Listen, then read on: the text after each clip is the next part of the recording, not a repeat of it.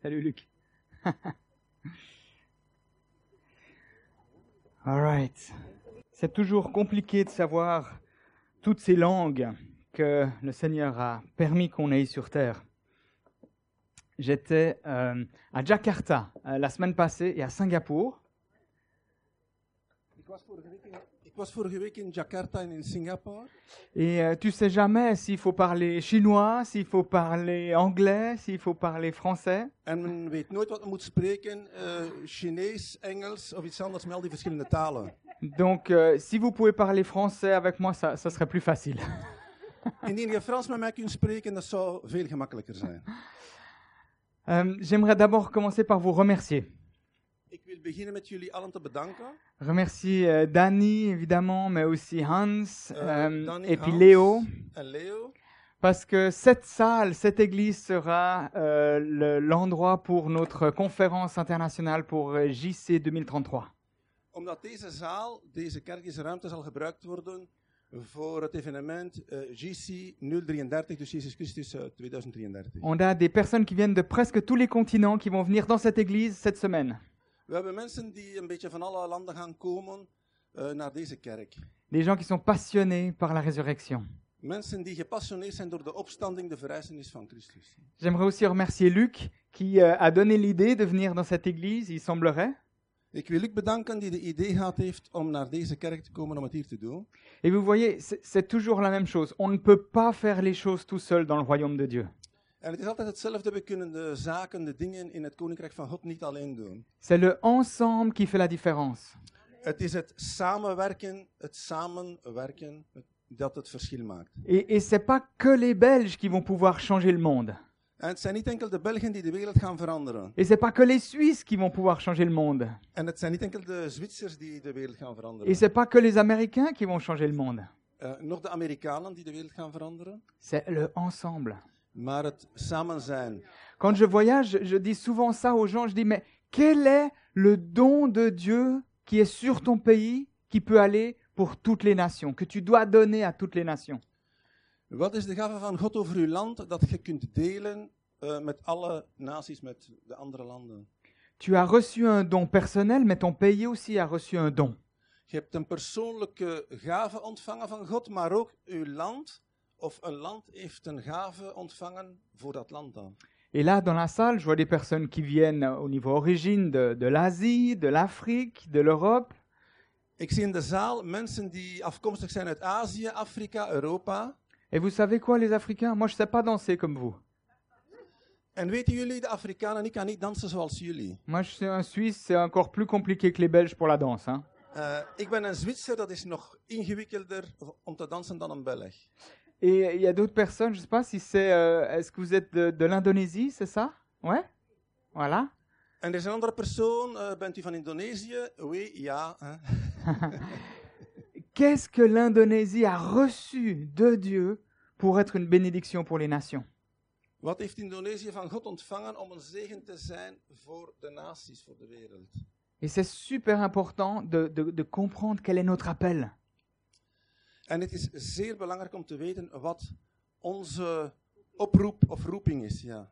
Et j'aimerais vous poser la question à chacun d'entre vous qu'est- quel est ce joyau, ce, ce bijou que Dieu vous a donné qui est votre appel pour votre vie Wat is de schat dat God u gegeven heeft aangaande de roeping voor jullie leven? Parce que quand vous rentrez dans votre appel, alors c'est là qu'il y a la bénédiction de Dieu.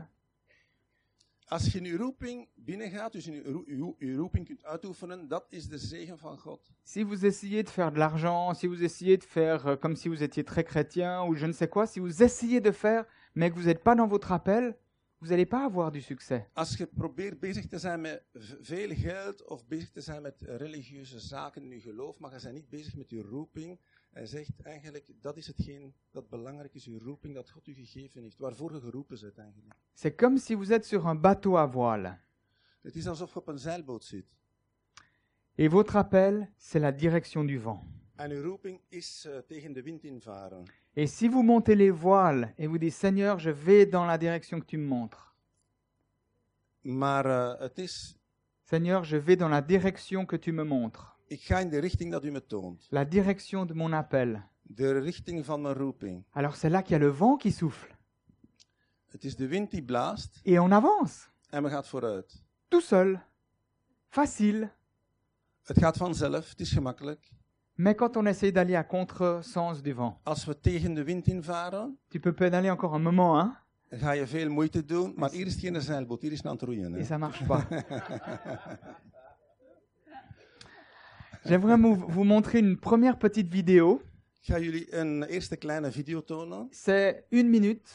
Een minuut. C'est ce que nous avons envoyé euh, aux, aux gens dans le monde entier pour venir à Villevorde dès mardi prochain. Dat gaan we wereldre- wereldwijd verzenden, versturen. eh, Voor de mensen die dan naar Vilvoorde gaan komen. Est-ce qu'on peut passer la première vidéo Ja.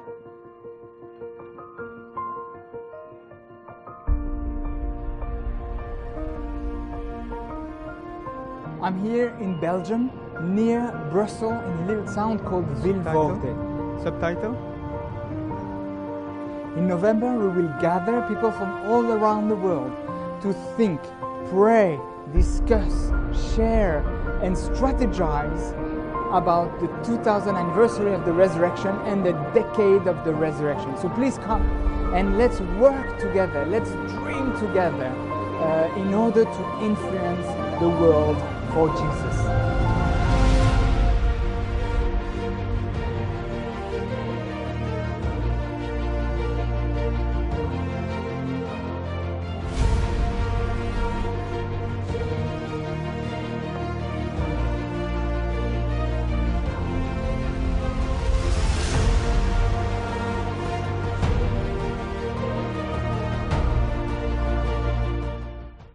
Gloire à Dieu Gloire à Dieu. Gloria aan God. Gloria aan God. Est-ce qu'on peut montrer la deuxième vidéo Comme ça, vous verrez un petit peu ce que c'est que ce projet de célébrer les 2000 ans de la résurrection de Jésus partout sur la planète. C'est aussi une minute. 2,000 years ago, one event changed the course of history, transforming lives for eternity.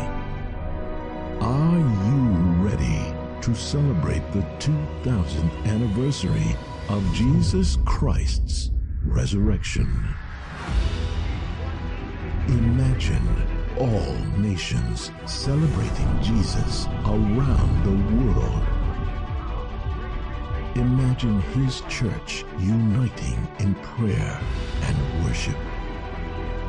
Imagine our neighbors touched by the love of Christ. Join us for the Jesus Celebration 2033.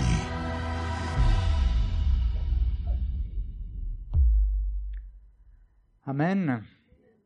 Que Dieu... Oh non, je vais le dire en français. Oh là là. Euh, Est-ce que vous arrivez à imaginer des gens sur toute la planète qui célèbrent la résurrection de Jésus ensemble Kunnen jullie zich voorstellen dat eh, alle mensen van de hele planeet samen gaan vieren, dus de opstanding, de verrijzenis van Christus? Je vais vous faire un, un petit message sur le chemin d'Emmaüs. Ik ga jullie een kleine... Un message Een, een, petit sur... message, een boodschap geven over de boodschap van de Emmausgangers. Parce qu'il y a une rencontre fabuleuse qui s'est passée là. Want er is iets fabuleus gebeurd op die moment. Ja. Mais si vous voulez en savoir plus sur ce, ce projet de célébrer les 2000 ans de la résurrection de Jésus, si vous voulez en savoir plus sur Als ce jullie daar meer projet, willen over weten, over dat project eh, GC033, on aura une soirée spéciale Belgique mercredi soir 27 We hebben euh, een novembre. speciale avond, eh, België, eh, woensdag 27 november om 19 uur te Vilvoorde. où on va présenter le projet. Il y aura des invités qui vont venir de Belgique, de partout de la Belgique, mais aussi de la France. We gaan het project voorstellen en er gaan mensen zijn die uit België komen, maar ook uit Frankrijk. Et vous êtes les bienvenus pour cette soirée. En jullie zijn eh, hartelijk welkom op die avond. Aussi, la soirée du euh, jeudi 28, Ook de avond van donderdag, de 28e, nous avons reçu de Dieu de faire une soirée sur la réconciliation et l'unité des chrétiens. we hebben eh, van de Heer een boodschap gekregen over eh, reconciliatie tussen De verzoening tussen eigenlijk de verschillende stromingen in de christenwereld. Et c'est une soirée où on tremble un tout petit peu pour voir qu'est-ce que le Seigneur va faire. Het is een avond dat we een beetje, we bibberen een beetje wat, eh, om te zien wat de Heer die avond gaat doen. Et il y aura l'évêque de Liège, gaat een l'évêque bisschop. catholique qui va venir ici. Er gaat een katholieke bisschop uit Luik zijn, die gaat naar hier komen. Normalement, c'est pas encore confirmé, mais le métropolite euh, orthodoxe grec de toute l'Europe viendra aussi. Het is nog niet bevestigd, maar we zouden zeggen, eh, de grote chef van de orthodoxe kerk voor Europa, die zou ook komen, maar het moet nog bevestigd worden. Antenagoras, c'est son nom.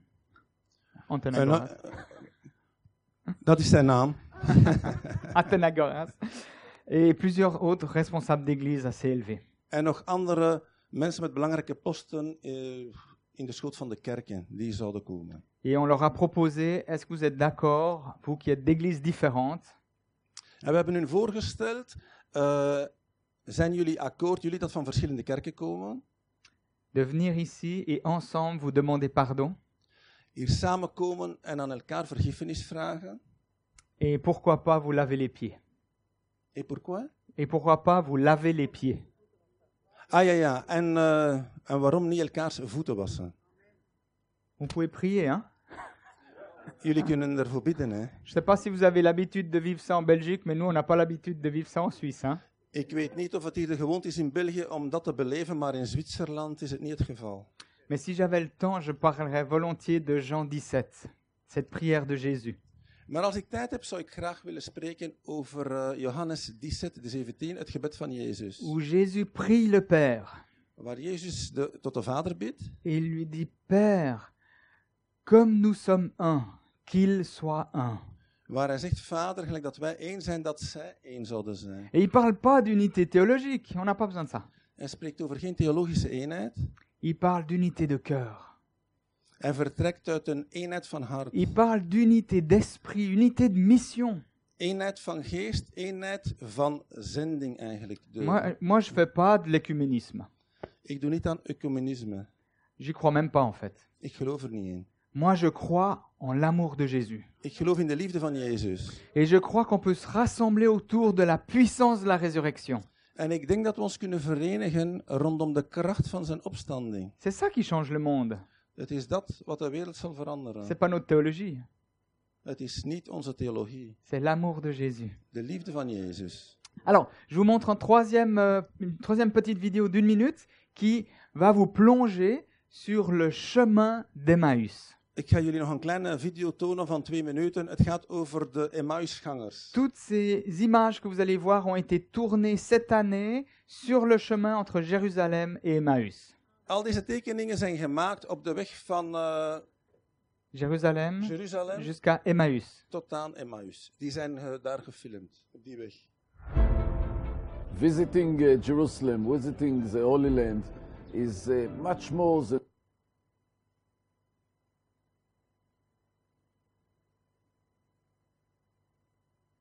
just a voyage or something you do in order to see something. It's an experience, it's something that changes your life.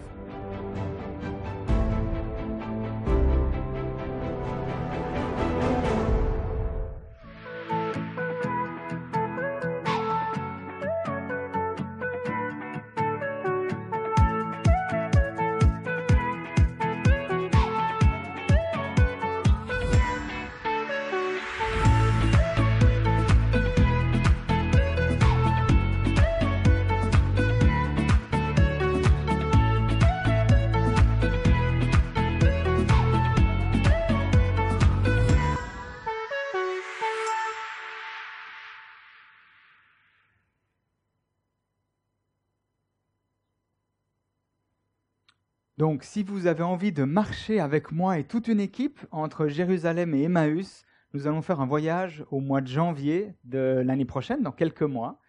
Et on va faire ça sur une semaine de Jérusalem à Emmaüs. Et j'espère qu'on va rencontrer le ressuscité. Eh, als iemand eh, zin heeft om die weg te gaan van Jeruzalem naar eh, Emmaus, jullie kunnen die weg doen met mij in de maand januari, dus eh, binnenkort. Eh, C'est pour le mois de janvier. Et qu'est-ce que vous avez encore dit Parce que c'était un peu beaucoup. Pardon, je suis désolé, Ouais. vraiment, Non, excuse-moi. non, Luc. mais, mais j'ai dit hein, de le faire. Jérusalem et Emmaüs. C'est ça, avec vous, c'est j- parfait. Janvier 2020. Exactement. Il y avait encore un, un détail. Non, non, ça va très bien, ça va être super. Ça va être super. Dat gaat fantastisch zijn. Alors justement, plongeons-nous dans la Bible, dans euh, Luc, Luc Dus 24. laten we in de Bijbel duiken in Lucas, Lucas 24. Luc 24, euh, verset 13. Luc, Lucas 24, eh, vers 13. Alors, vous Vers pouvez 13. suivre dans la Bible, mais moi je vais extrapoler. Vous pouvez suivre dans la Bible, mais moi je vais raconter l'histoire. Oui, d'accord. Il faut pas lire le tekst. Non, Non. on va pas lire. On nee. va pas lire. Dus eh, hij zegt dat jullie kunnen volgen eh, in jullie Bijbel de tekst. Hij gaat niet heel die tekst lezen. Hij gaat daar bepaalde dingen uitlichten en zo verder. Maar het gaat dus over Lucas 24. En eh, vanaf vers, vers 13 begint dat. Het loopt van 13 tot 35. Le contexte, c'est ceci. De context is de volgende. Les disciples ont été pendant trois ans avec Jésus et ils ont cru que Jésus était le sauveur du monde. De discipelen waren dus drie jaar met Jezus en ze geloofden dat hij de redder van de wereld was. Ils ont cru qu'il allait ramener le royaume sur terre. Zij geloofden dat hij het koninkrijk van God op aarde ging brengen. Ils l'ont vu faire des choses incroyables. Ze hebben hem ongelooflijke dingen zien doen. Il a fait des miracles, ils étaient là, waouh, on est dans le camp du plus fort. Hij heeft wonderen gedaan en ze zeiden, wauw, wij zijn hier echt in het kamp van de sterkste. Et tout d'un coup, le jeudi saint, Jésus prend la scène avec eux, la Sainte Seine. En dan zien we op die donderdagavond dat hij avondmaal met hen houdt. Et il leur lave même les pieds. En hij wast hen zelf de voeten. Les disciples sont là, mais c'est bizarre quand même cette histoire. C'est le maître qui nous lave les pieds, étrange. Een bizarre geschiedenis. Het is de grote meester eigenlijk die hun voeten gaat wassen. Pendant la nuit, ils vont faire une réunion de prière à Gethsemane. S'nachts gaan ze een gebedsvergadering, een, eh, komen ze samen en doen ze een gebed in Gethsemane. Les disciples dorment, Jésus prie. De leerlingen slapen en Jezus bidt. Pour faire l'histoire rapide, il finit sur la croix en criant. Om de geschiedenis kort te maken, hij eindigt op het kruis eh, met een schreeuw. Et les disciples sont là, mais tout est foutu, tout est par terre, tout est fini, caput. En de leerlingen zijn daar en die zeggen, ja, nu is het gedaan, het is allemaal foutu, het is kapot, het is gedaan. Ils sont déçus par Jésus. Ze zijn teleurgesteld door Jezus. Est-ce qu'il nous a menti Heeft hij ons, heeft hij ons belogen? Est-ce qu'il était fou Was hij gek? Est-ce qu'il était malade Was hij ziek dans la tête in zijn hoofd? Il est mort. Hij is dood. Il est vraiment mort. Hij zegt dood. Mais alors, complètement mort. Zo dood als een pier. C'est la fin. Het is het einde. C'est la fin du rêve, c'est la fin d'une vision, c'est la fin d'un royaume, c'est la fin de tout. Het einde van een droom, het einde van een visie, het einde van een koninkrijk, het is het einde van alles. Les disciples sont encore ensemble, mais ils ont très très peur. De discipelen zijn nog samen, maar ze zijn heel erg bang. Ils sont persécutés Ze worden vervolgd. par les religieux, par les militaires. Van de religieuzen door de militairen. Et ils sont là. Si on reste ici, on va y Ah, passer. Ze zitten daar in de overtuiging, als we hier blijven, gaan we dood. Il y en a deux qui décident de rester quand même jusqu'à dimanche. Er zijn er twee die beslissen tot, tot, tot zondag te blijven. Il y en a un qui s'appelle Cléopas Cleopas is één van de twee. et un autre. En een andere. L'autre, on ne sait pas qui c'est. Van de andere weten we nu wie hij is, hoe hij heet. La Bible ne nous dit pas qui c'est. De Bijbel ze geeft zijn naam niet. J'étais la semaine passée avec le responsable de l'Alliance évangélique en Israël. Ik was eh, onlangs met de verantwoordelijke van de, in Israël van de Evangelische Alliantie. Et puis, il me disait, parce qu'on parlait de ce sujet, il me disait, mais moi je crois que le- l'autre disciple, c'était la femme de Cléopas. En hij zei, ik denk dat de andere discipel, hij zei, ik denk, hè, de andere discipel de vrouw van Cleopas is. Hein, J'ai jamais entendu ça de ma vie. Hij zegt, ik heb dat nog nooit in mijn leven gehoord. Mais pourquoi pas Maar waarom niet? On va continuer l'histoire. Wij gaan verder met de geschiedenis. C'est dimanche matin, Cléopas, Cléopas et sa femme ou un autre disciple prennent le petit déjeuner. Die zondagmorgen Cleopas en de persoon die bij hem is, misschien zijn vrouw, nemen het ontbijt. Il y a les femmes qui reviennent du tombeau et qui disent, il est plus là, on a vu un ange, mais il est plus là, il est plus dans le tombeau. Er zijn vrouwen die terugkomen van het graf en die zeggen, erg opgewonden. Hij is daar niet, hij is daar niet. We hebben niks gevonden in het graf. Mais Cléopas et l'autre disciple euh, sont plutôt des sceptiques, des terriens, des terre-à-terre. Eh, Cleopas en de andere discipel eh, zijn eh, sceptisch. eh, ze reageren met veel ongeloof. Het zijn mensen die hun twee voeten op de grond hebben. Ils se disent ouais, ouais, ouais, quand même, c'est un peu bizarre cette histoire. hein. Ja, ja, het is toch een beetje eigenaardig hè, dat, wat ze hier vertellen. Mais ça change rien au danger de persécution. Maar dat verandert niets aan het gevaar van de vervolging. Mais quand les femmes sont venues, Jean et Pierre partent en courant au tombeau. Maar als die vrouwen kwamen met dat, met dat nieuws, dan zien we dat eh, Petrus en eh, Johannes, die lopen naar het graf. Ça, c'est les, les deux disciples dynamiques, Dat zijn de, de, de twee dynamische discipelen. ceux qui font des choses sans trop réfléchir. Die dingen doen zonder na te denken. Ils y vont avec le cœur. Ze handelen vanuit het hart. Ils courent là-bas. Ze lopen er naartoe. Puis c'est sympa parce qu'on voit que Pierre, il court moins vite que Jean. Je sais pas si c'est important, mais c'est sympa. Sympathiek om te zien dat eh, Petrus minder snel loopt dan Johannes. Et ils reviennent vers les disciples. En ze komen terug naar de discipelen. Et le seul témoignage qu'ils donnent, c'est de dire, vous savez quoi, les femmes avaient raison. Het enige getuigenis eh, wat ze hebben is, ja, die vrouwen hadden gelijk. Ça fait 28 ans que je suis marié Het is 28 jaar dat ik getrouwd ben et j'ai appris ça maintenant. en ik heb dat nu geleerd. Elle a toujours raison. Ze heeft altijd gelijk. Donc c'est qu'une question de temps d'accepter ça, c'est tout. Het is een kwestie van tijd om dat te accepteren. Pour ceux qui seront là mercredi soir, vous rencontrerez ma femme, elle est, elle est super, elle s'appelle Sylviane. Voor diegenen die er eh, woensdagavond zijn, die gaan dan mijn vrouw ontmoeten. Elle s'appelle Sylvian? Sylviane, ouais, Sylvian is haar c'est ça. naam, ja. ok. Ils reviennent vers les disciples et Cléopas et l'autre disciple se disent, bon, là, ça commence à devenir vraiment étrange cette histoire. Ja, dus eh, Petrus en Johannes komen bij die discipelen en Cleopas en die andere discipelen die zeggen, ja, dat is echt een heel rare geschiedenis wat hier vertellen. Ça commence à devenir une secte pentecôtiste, cette histoire. Dat begint hier te lijken op een eh, secte van Pinksterchristenen, deze Il y a des geschiedenis. gens qui disent des choses bizarres. Er zijn hier mensen die hier bizarre dingen zeggen. Je crois que c'est le moment de partir. Hein. Ik denk dat het moment is om hier weg te gaan. On peut plus espérer grand-chose. Jésus, il est mort, il est mort. Et en plus, il a disparu. Wij kunnen niet veel meer hopen, want Jezus is dood en wat er nog bij komt, hij is verdwenen. Ils partent. Dans l'après-midi. Ze vertrekken in de namiddag. Ils marchent à peu près deux heures. Ze marcheren ongeveer twee uren. Et là, il y a un truc très bizarre qui se passe. Il y a tout d'un coup un gars qui sort d'un buisson. En heel eigenaardig, plotseling is daar een, een gast die daar verschijnt vanuit een struik, die daar ineens bij hun staat. Et il leur dit Bonjour, comment ça va Goedendag, hoe gaat het met jullie? Et il dit Ouais, ben, t'as pas, t'as pas entendu ce qui s'est passé à Jérusalem T'es Heb pas au je- courant Heb jij niet gehoord wat er in Jeruzalem gebeurd is? T'as t'as pas Ça- lu les news Ben jij niet op de hoogte? Heb je het nieuws niet gelezen? Tout le monde en parle. Tout le monde. Tu sais pas de Iedereen- quoi on parle Iedereen spreekt erover. Je hoort niks anders, iedereen spreekt erover. Il l'avait pas reconnu parce que Jésus était dans son corps, il n'était pas encore dans son corps de gloire. Il était dans son corps de gloire, pardon.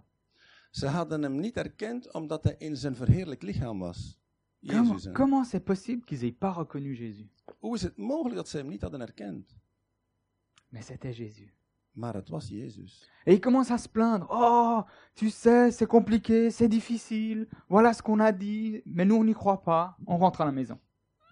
En ze doen die uitleg, ja, het is moeilijk. En ze vertellen wat er gezegd is, maar ja, we geloven het niet, en zo verder. En terwijl zijn ze aan het verder wandelen. Et Jésus dit quelque chose de très fort. En Jezus zegt daar iets heel straf, iets heel sterk. Vous ne comprenez rien. Jullie begrijpen er niets van. Votre cœur met beaucoup de temps à croire ce que les prophètes ont annoncé. Jullie hart heeft veel tijd nodig om te begrijpen wat de profeten voorzegd hadden. Il fallait que le Messie souffre de cette façon et que Dieu lui donne gloire. De Messias moest op die manier lijden, en zodat God hem dan de glorie ging geven.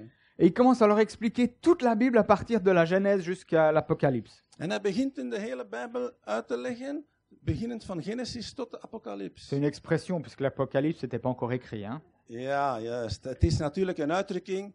Het is, het is C'est eh, c'est une blague suisse. Hè? Ouais, c'est un peu suisse ça. Eh, het is een Zwitserse mop, denk ik. Ja, want de apocalyps, apocalyps bestond nog niet. Maar eh, hij wil eigenlijk zeggen dat Jezus in de Bijbeldelen, de Heilige Schrift, uitlegt van hetgeen er toen bestond.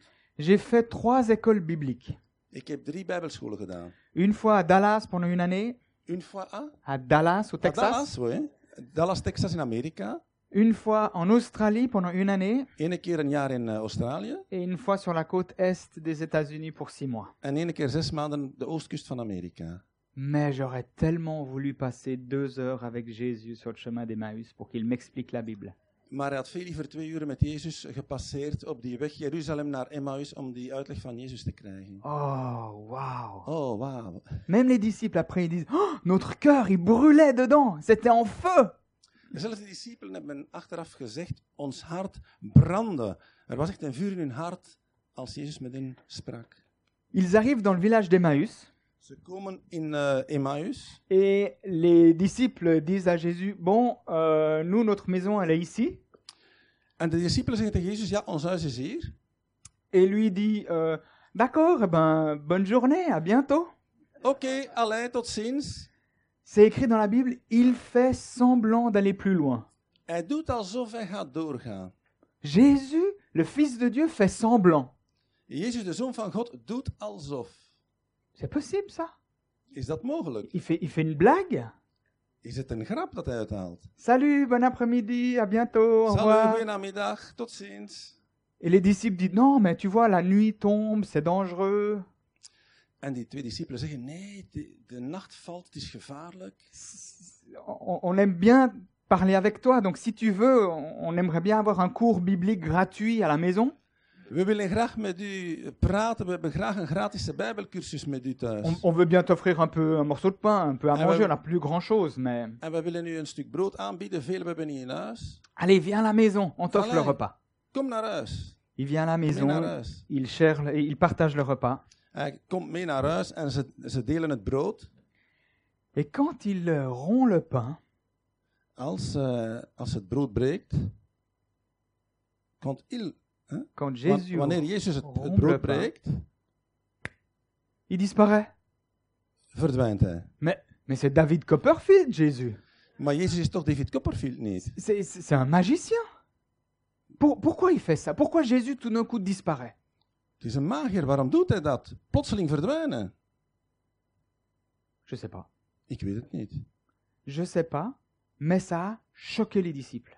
Maar dat heeft de discipelen door, doorheen geschud. Vous imaginez, là, ce matin, on prenait le déjeuner avec Hans et Marek et euh, tout d'un coup, Olivier disparaît. Kunt je je voorstellen dat ik het ontbijt met u neemt en plotseling Olivier oep, il- is il est où verdwenen? Il est parti aux toilettes il, Ouais. il est- il est parti dans sa chambre Waar is, waar is hij? Weg naar het toilet? Weg naar zijn kamer? il, il est où Jésus Waar is hij, Jezus? Et tout d'un coup, ils sont rentrés en dedans d'eux, à l'intérieur, dans leur cœur. Ils, ils ont fait un chemin intérieur dans leur cœur. En plotseling is er iets in hun hart veranderd. Er is een, een, een, het is alsof die weg in hun hart is binnengekomen. Er Ah. is iets veranderd met Ils die étaient twee là. mensen. Oh C'était Jésus. Ah, C'était Jésus. het was Jezus. T'as vu comme il a, il a, il a pris le pain C'était Jésus. Heb je gezien hoe hij het, het brood gebroken heeft? Mais si c'était Jésus, c'est qu'il est vivant. Maar als het Jezus is, dan leeft hij. Mais, mais s'il est vivant, c'est qu'il est ressuscité. Maar als hij leeft, dan is hij uit de dood opgestaan. Mais s'il est ressuscité, les femmes avaient raison. Maar als hij verrezen is, dan hebben die vrouwen gelijk. Quand même, hein, ils mettent du temps. Hein. Mais ils réalisent que les femmes avaient raison. Ja, ze hebben, ze hebben er tijd, mo- er- ja, ze hebben tijd nodig gehad, maar die vrouwen hadden toch gelijk. Écoutez-moi bien. Luister goed naar mij. Quand nous réalisons que Jésus est ressuscité, Als we ons realiseren dat Jezus verrezen is, ça change tout. dat verandert alles. On est tous nés sur cette terre, puisque si vous êtes là, vous êtes certainement nés à quelque part dans un hôpital ou dans une maison. Wij zijn allemaal op deze aarde, op deze wereld geboren. Dans une très bonne famille ou une moyenne famille ou une très mauvaise famille, mais Ouais. vous êtes nés. In een goede familie, een gemiddelde familie of een slechte familie. Vous avez maar pas je bent demandé- geboren. Vous n'avez pas demandé de grandir dans cette famille-là. Je hebt niet gevraagd om in die familie geboren Vous avez- te zijn of groot eh, gebracht te Vous worden. n'avez in die pas familie. demandé d'être- d'avoir ces parents-là, Je hebt niet gevraagd om die ouders te hebben, mais vous êtes là. Maar je bent daar. sur Terre aujourd'hui. Op aarde, o- vandaag. Et un jour, c'est vrai, un jour, vous allez mourir. En op een dag, ja, het, i- het is waar, gaat je sterven. Vous allez tous mourir. Jullie gaan allen sterven. Et moi aussi. En ik ook. On va tous mourir. We gaan allen sterven. Ça, c'est notre euh, vérité humaine. Dat is onze menselijke waarheid. Mais il y en a un qui est ressuscité. Maar er is één die uit de dood is opgestaan. Et il est ressuscité dans- en prémisse, en prévision que nous aussi, nous serons ressuscités. Hij is eh, verrezen uit- vanuit dat oogpunt dat ook wij zullen verrijzen. Parce que vous imaginez bien que si Jésus est ressuscité, c'est pour nous ouvrir le chemin de la vie éternelle. Ja, eh, je moet beseffen, als Jezus verrezen is, als hij uit de dood is opgestaan, dat is om ons de weg te wijzen, zodat wij ook uit de dood kunnen opstaan. Pour les Juifs de l'époque, Voor de Joden uit die tijd, cette vérité de la résurrection die waarheid van de opstanding, prenait tout l'Ancien Testament, les- les- la loi et les prophètes, nam het hele Oude Testament, de wet en de profeten, et ça a tout aligné vers l'étern- en direction de l'éternité. en dat was allemaal gelijnd op de eeuwigheid. Ça fait pouf dans le cœur.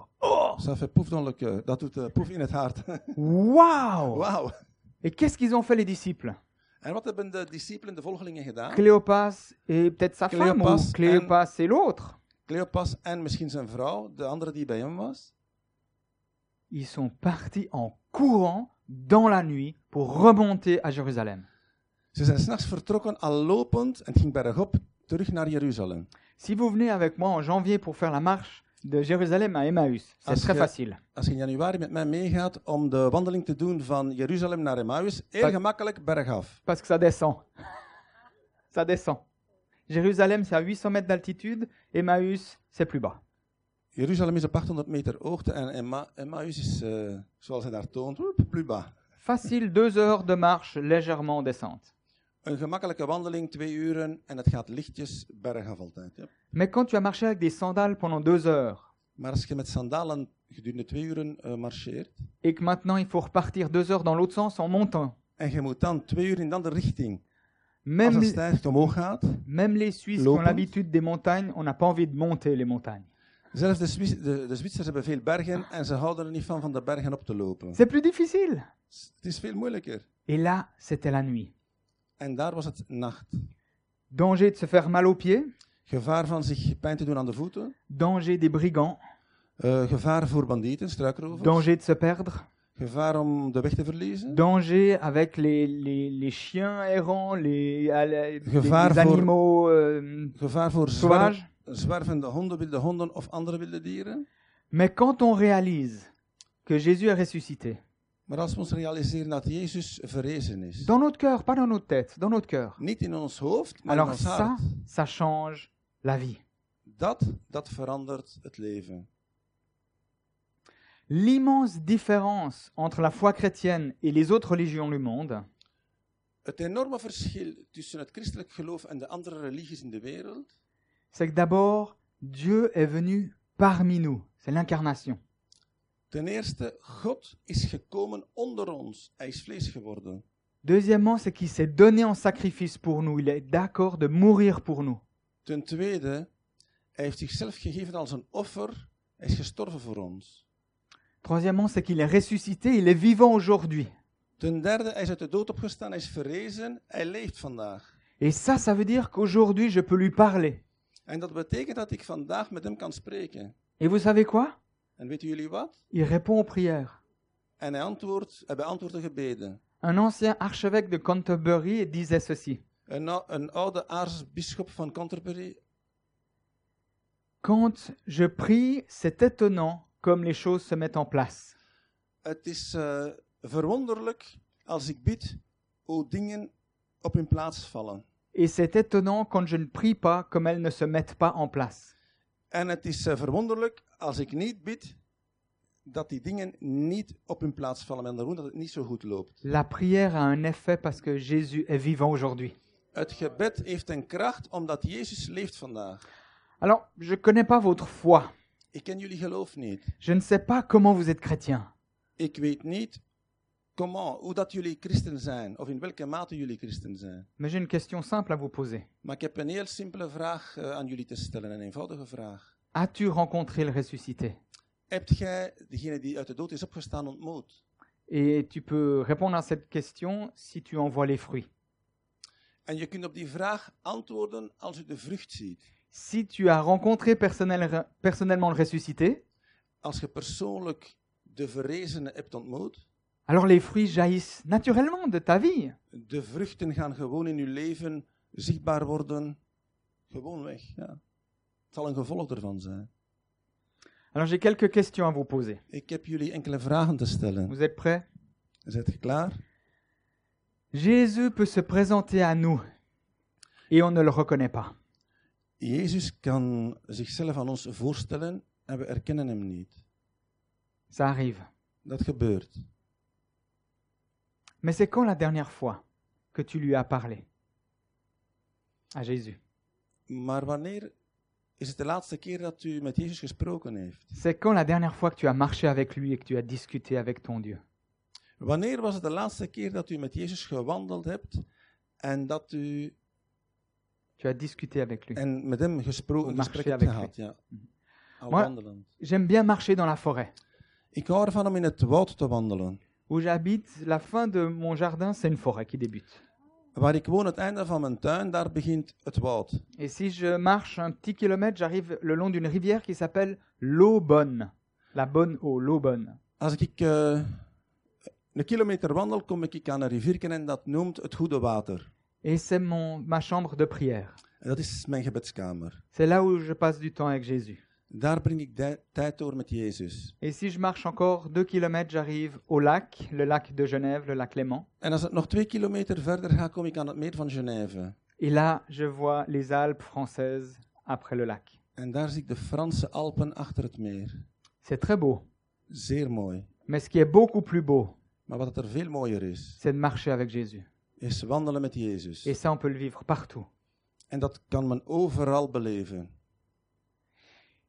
Et quand Dieu te pose une question, En wanneer God je een vraag stelt, c'est rarement pour avoir une information. dan zou het zelden gaan om een informatie te bekomen. Parce qu'il sait tout. Want hij weet alles. Il sait les choses les plus foncées, les plus noires de ton cœur. Il les sait. Hij kent de dingen, zelfs de meest donkere die zich in uw hart bevinden. Donc il ne te pose pas une question pour avoir une information. Dus hij moet geen vragen stellen om informatie te krijgen. C'est souvent simplement pour attirer notre attention Het is dikwijls gewoon om onze aandacht te trekken, ou pour nous faire réfléchir. om ons laten na te denken. Quand Jésus nous pose des questions, Wanneer Jezus ons vragen stelt, il a envie qu'on y réfléchisse. dan heeft hij zin dat we daarover nadenken. Il a envie qu'on y réponde. Hij, heeft, eh, eh, hij wil graag dat we hem antwoorden, Parce qu'il est intéressé want hij à is, travailler avec nous. hij is geïnteresseerd en hij wil met ons samenwerken. C'est pas juste un Dieu qui fait ce qu'il a envie sur la planète, puis voilà, il se débrouille. Het is eh, geen God die daar eigenlijk doet waar hij gewoon zin in heeft en voor de rest trek jullie plan. C'est un Dieu qui a envie d'œuvrer avec nous. Il a envie d'œuvrer, de travailler avec nous. Het is een God die goesting heeft om te werken met ons, om samen te werken met ons. Et si vraiment, comme ses disciples, ils découvrent ou nous découvrons qu'il est vraiment ressuscité, En als zijn discipelen of als wij ontdekken dat hij echt verrezen is, est-ce qu'il faut le dire au monde moeten we het dan aan de wereld, aan de andere mensen vertellen? Est-ce que les gens de Villevorde, ils doivent entendre parler du ressuscité Moeten de mensen van veel voor de oren spreken over diegene die verrezen is? Est-ce que les gens en- à Bruxelles doivent entendre parler Moeten de mensen in Brussel daar horen over spreken? Est-ce que les dignitaires qui viennent du- de toute l'Europe pour avoir des sessions à Bruxelles, est-ce qu'ils doivent entendre parler du ressuscité Moeten al die hoogwaardigheidsbekleders die hier in Brussel zitten daar niet, wil- niet horen over spreken? Est-ce que les, les athées, les, les musulmans et tous les autres, est-ce qu'ils doivent entendre parler du ressuscité Moeten de atheïsten, de ongelovigen en de moslims daar niet horen over spreken? Quand on rencontre le ressuscité, on devient ap- automatiquement un missionnaire. Als we degene die verrezen is ontmoeten, als we een ontmoeting met hem hebben, of hebben gehad, worden we automatisch een missionaris, een zendeling. Quand on rencontre le ressuscité, on est automatiquement un témoin. Als we hem ontmoeten, worden we automatisch een getuige. Si vous êtes dans la rue et vous voyez un accident de la route se passer devant vos yeux, Als jij in de straat zit en je ziet daar een verkeersongeval voor je ogen gebeuren, vous devenez automatiquement un témoin de la situation. word jij automatisch een getuige van de Et situatie. si la police est là et vous restez là, elle vous dira est-ce que vous pouvez témoigner de ce qui s'est passé En als de politie er komt en je bent er nog, dan gaan die vragen, ja, je hebt dat gezien, wil je getuigen? Wat heb je gezien? Pour certains, ça fait des dizaines d'années que vous entendez parler du ressuscité. Voor sommigen is het al gedurende tientallen jaren dat ze horen spreken over degene die verrezen is. Certains, seulement une année, certains, seulement quelques mois que vous avez entendu parler du ressuscité. Sommigen hebben dat gehoord sinds misschien een jaar, anderen sinds misschien enkele maanden. Mais si vous l'avez rencontré personnellement, Maar als je hem persoonlijk hebt ontmoet, vous êtes devenu automatiquement un témoin de la résurrection. dan zet je automatisch een getuige van degene die verrezen is.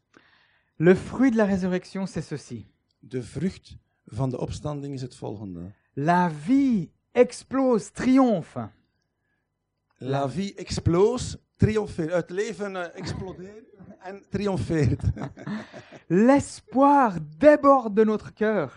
De hoop, ons, ons hart vloeit over van hoop. L'espérance pour cette vie et pour la vie future renaît. De hoop voor dit leven en voor het toekomstige leven eh, wordt er geboren. La parole de Dieu coule dans notre cœur, mais aussi déborde et coule sur les autres. On a envie d'en parler. Het woord van God eh, vloeit in ons hart en ons hart loopt er v- van over en we hebben zin en goesting om daarover te Lors- spreken. Lorsqu'on a une révélation du ressuscité, alors on devient automatiquement un témoin et un missionnaire. Lorske, Lorsqu'on rencontre le ressuscité, eh, wanneer we de vrezenen ontmoeten, on devient automatiquement un missionnaire. worden Een we temoin. automatisch een zendeling, een missionaris, een getuige. Et vous savez quoi En weet je wat? Alors une nouvelle vie démarre. Het nieuwe leven begint. Ces deux disciples qui sont montés d'Emmaüs, Die twee discipelen die eh, van Emmaus terug naar boven liepen. pardon, qui sont descendus, Pardon, excuseer. qui sont descendus à Emmaüs et qui sont remontés à Jérusalem. Dat eerst eh, beneden gingen naar Emmaus en dan terug naar boven gaan ze naar Jeruzalem. Quand ils sont descendus, ils sont descendus comme ça. Wanneer ze naar beneden gingen, liepen ze zoals zij daar liep. Niet fameus, hè? hè? C'est foutu. Bezwaard, eerder bezwaard. Et quand ils sont montés à Jérusalem, En als ze naar Jeruzalem naar boven gingen, ils sont liepen, remontés comme ça. Waouh Il est ressuscité liepen ze. Er was blijdschap in hun hart. Hè? Hij is opgestaan. Tu choisis quel chemin Tu veux quelle vie Welke weg kiest je? Welk leven wilt je? Et cette vie dépend de ta rencontre et de ta relation avec le ressuscité. En dat leven hangt ervan af van uw ontmoeting, de ontmoeting die je gehad hebt met de verrezenen. Ce matin, dans ma chambre, j'ai pu rencontrer le ressuscité. Deze morgen in mijn kamer heb ik de verrezenen mogen ontmoeten Avec une petite prière, met een klein gebed, avec un cœur incliné dans la bonne direction, met een hart dat nedergebogen is in de goede richting, avec ma- la parole de Dieu. met het woord van God. Et c'est disponible pour chacun d'entre vous. En het is beschikbaar voor iedereen onder ons. Waouh Wow. Le ressuscité, Hij is opgestaan. à Villevorde. Il est là. In Vilvoorde, hij is daar. Est-ce qu'on veut le rencontrer Willen wij hem ontmoeten? Est-ce que tu veux le rencontrer Wilt u hem ontmoeten? Est-ce que tu veux changer de vie Wilt je van leven veranderen? Est-ce que tu veux être euh, régénéré dans ton cœur pour la mission Wilt je geregenereerd zijn voor de zending? Ik zou zeggen, eh, een boost krijgen voor de zending. Imaginez que nous aimerions faire connaître le ressuscité au monde entier. Stel u nu een keer voor dat we de verrezenen zouden kunnen leren kennen aan heel de wereld. Nous aimerions utiliser les 2000 ans de la résurrection de Jésus pour dire à tout le monde T'as entendu parler Il est ressuscité Wij kunnen die 2000 jaar van eh, opstanding, dus 2033, kunnen we gebruiken om de wereld te laten weten van hij is opgestaan. J'ai eu un, un moment en, en, en Australie en 2007. I had a time. J'ai eu un moment In, en in, Australie. in 2007 heeft hij een moment gehad in Australië. J'étais dans une école biblique et on avait un temps de culte comme ce matin. Hij was in een bijbelschool en ze hadden een, een cult, eh, zoals deze morgen. Et tout d'un coup, Een dienst, ja. le, le ciel s'est ouvert. En de hemel heeft zich geopend. Et j'ai commencé à voir des choses que j'ai jamais vues de toute ma vie et que j'ai jamais vu- revues depuis. En ik zag zaken die ik eigenlijk in mijn leven nog nooit had gezien en dat ik sindsdien niet meer heb gezien. J'ai vu la planète. Ik heb de planeet gezien. J'ai vu des hommes et des femmes louer Dieu parce qu'ils ont rencontré le ressuscité. Ik heb mannen en vrouwen gezien die de Heer aan het loven en het prijzen waren omdat ze de verrezene hadden ontmoet. Et je me suis dit, mais ce message, le monde entier doit le savoir.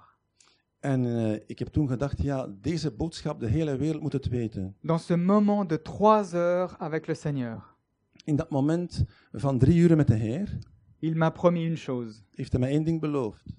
que tout être humain sur Terre, même ici, aura entendu parler du ressuscité. Dat elke mens op aarde, zelfs hier, zal horen spreken over degene die verrezen is. Comment c'est possible Hoe is dat mogelijk? Je ne sais pas. Ik weet het niet. Est-ce que c'est avec la distribution de Bible Is het met de verspreiding van de Bijbel? Certainement. Zeker. Est-ce que c'est avec des applications Eh, Is het door middel van applicaties? Certainement. Est-ce que c'est avec euh, euh, Internet Is het eh, via internet? Certainement. Est-ce que ça va demander l'engagement des chrétiens Vraagt dat eh, het engagement van de christenen? Ja, Certainement. zeker. Est-ce que ça va demander de l'argent Eh, wordt daar geld voor gev- geld gevraagd? Hè? Is- Ja. Ja. Certainement. Une fois, j'ai demandé à Jésus, je dis, mais Seigneur, pourquoi tu reviens pas plus vite Heer, wa- Reviens, Jésus. ik heb eens gevraagd, heer, waarom kom je niet vlugger? On attend sur toi. We wachten op u. Et vous savez ce qu'il m'a répondu En weet je wat hij heeft geantwoord? C'est pas toi qui attends sur moi, Jij zegt niet dat op mij wacht, dat antwoordde de heer. c'est moi qui attends sur toi. Maar ik wacht op u. Le retour de Jésus dépend de nous. De terugkeer van Jezus hangt van ons af. Allons-nous annoncer Jésus dans les rues Laten we Jezus verkondigen in de straten. Allons-nous juste témoigner de ce qu'on vit, raconter ce qu'on vit aux gens autour de nous Laten we getuigen zijn van wat we beleven met hem, eh, bij de mensen rondom ons. C'est ma question ce matin. Dat is mijn vraag deze morgen. Est-ce que tu as envie de rencontrer le ressuscité Encore Ik vraag het nog eens, hebben jullie zin om de verrezenen te ontmoeten? Est-ce que tu as envie de le rencontrer tout à nouveau, comme ses disciples, tout à nouveau Wilt gij hem opnieuw ontmoeten, helemaal nieuw, zoals zijn discipelen? Est-ce que tu as envie d'un temps de rafraîchissement avec lui Pour ta foi Heb je een tijd van verfrissing nodig met hem voor uw geloof? Est-ce que tu aimerais partager le repas avec lui Wilt je graag de maaltijd met hem delen, Où on raconte des choses de la vie tout simple, waar men dingen vertelt gewoon over het leven, mais aussi nos souffrances, nos questions maar ook onze pijn, ons verdriet, onze vragen? Parce qu'il est, consen- il est concerné par tes souffrances et tes questions. Want hij is begaan met onze pijn en met onze vragen die we hebben.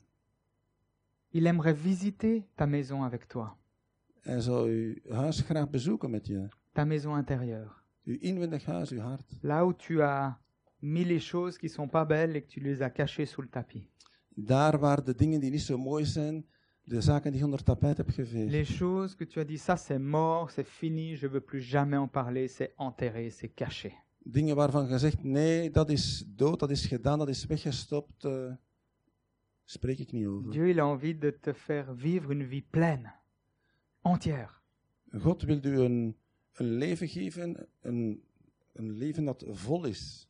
il veut faire le nettoyage de printemps dans ta maison. Hij wil de lentekuis in jouw leven houden. Il est prêt à t'aider. Hij is klaar om te helpen. Oh, il va pas faire tout le travail tout seul, Oh, hij gaat het werk helemaal niet alleen doen, mais il va être avec toi. maar hij gaat er met je zijn. Et si tu as des questions, il est prêt à y répondre. En als je vragen hebt, hij is klaar om te antwoorden. Est-ce que tu as envie de rencontrer le ressuscité Hebben jullie zin of goesting om de verrezenen te ontmoeten? Est-ce qu'on peut prier Kunnen we bidden? Ceux qui veulent rester assis, restez assis. Si vous voulez vous lever, levez-vous. Si vous voulez être à genoux, vous pouvez être à genoux. Die Olivier, la prière, je ne vais pas traduire. Hein? C'est- C'est c'est nécessaire de traduire. Euh, oui, tu Oui, traduis. quand même. Je vais aller Ja, je doucement. vais essayer. Hein? Ouais, ça va. Mhm, Ok, on prie. We bidden.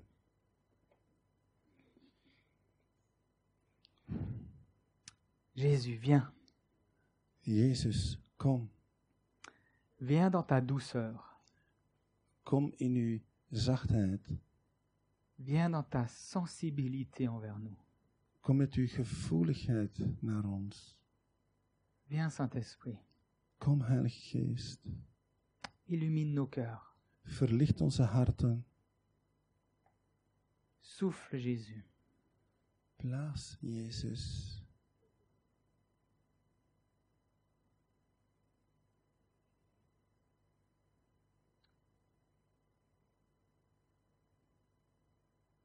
Père, je te prie que la puissance du ressuscité soit au milieu de nous. Vader, ik bid u dat de kracht van de verrezene onder ons zal zijn. Cette puissance qui transforme les cœurs.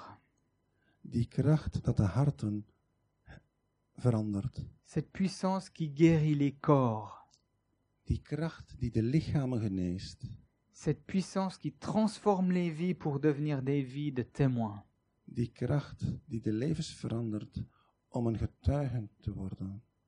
Alors Seigneur, humblement je te demande, Heer, ik vraag u nederig, viens, kom, viens sur nous. kom op ons. On a tous besoin de toi. Wij allen hebben u nodig.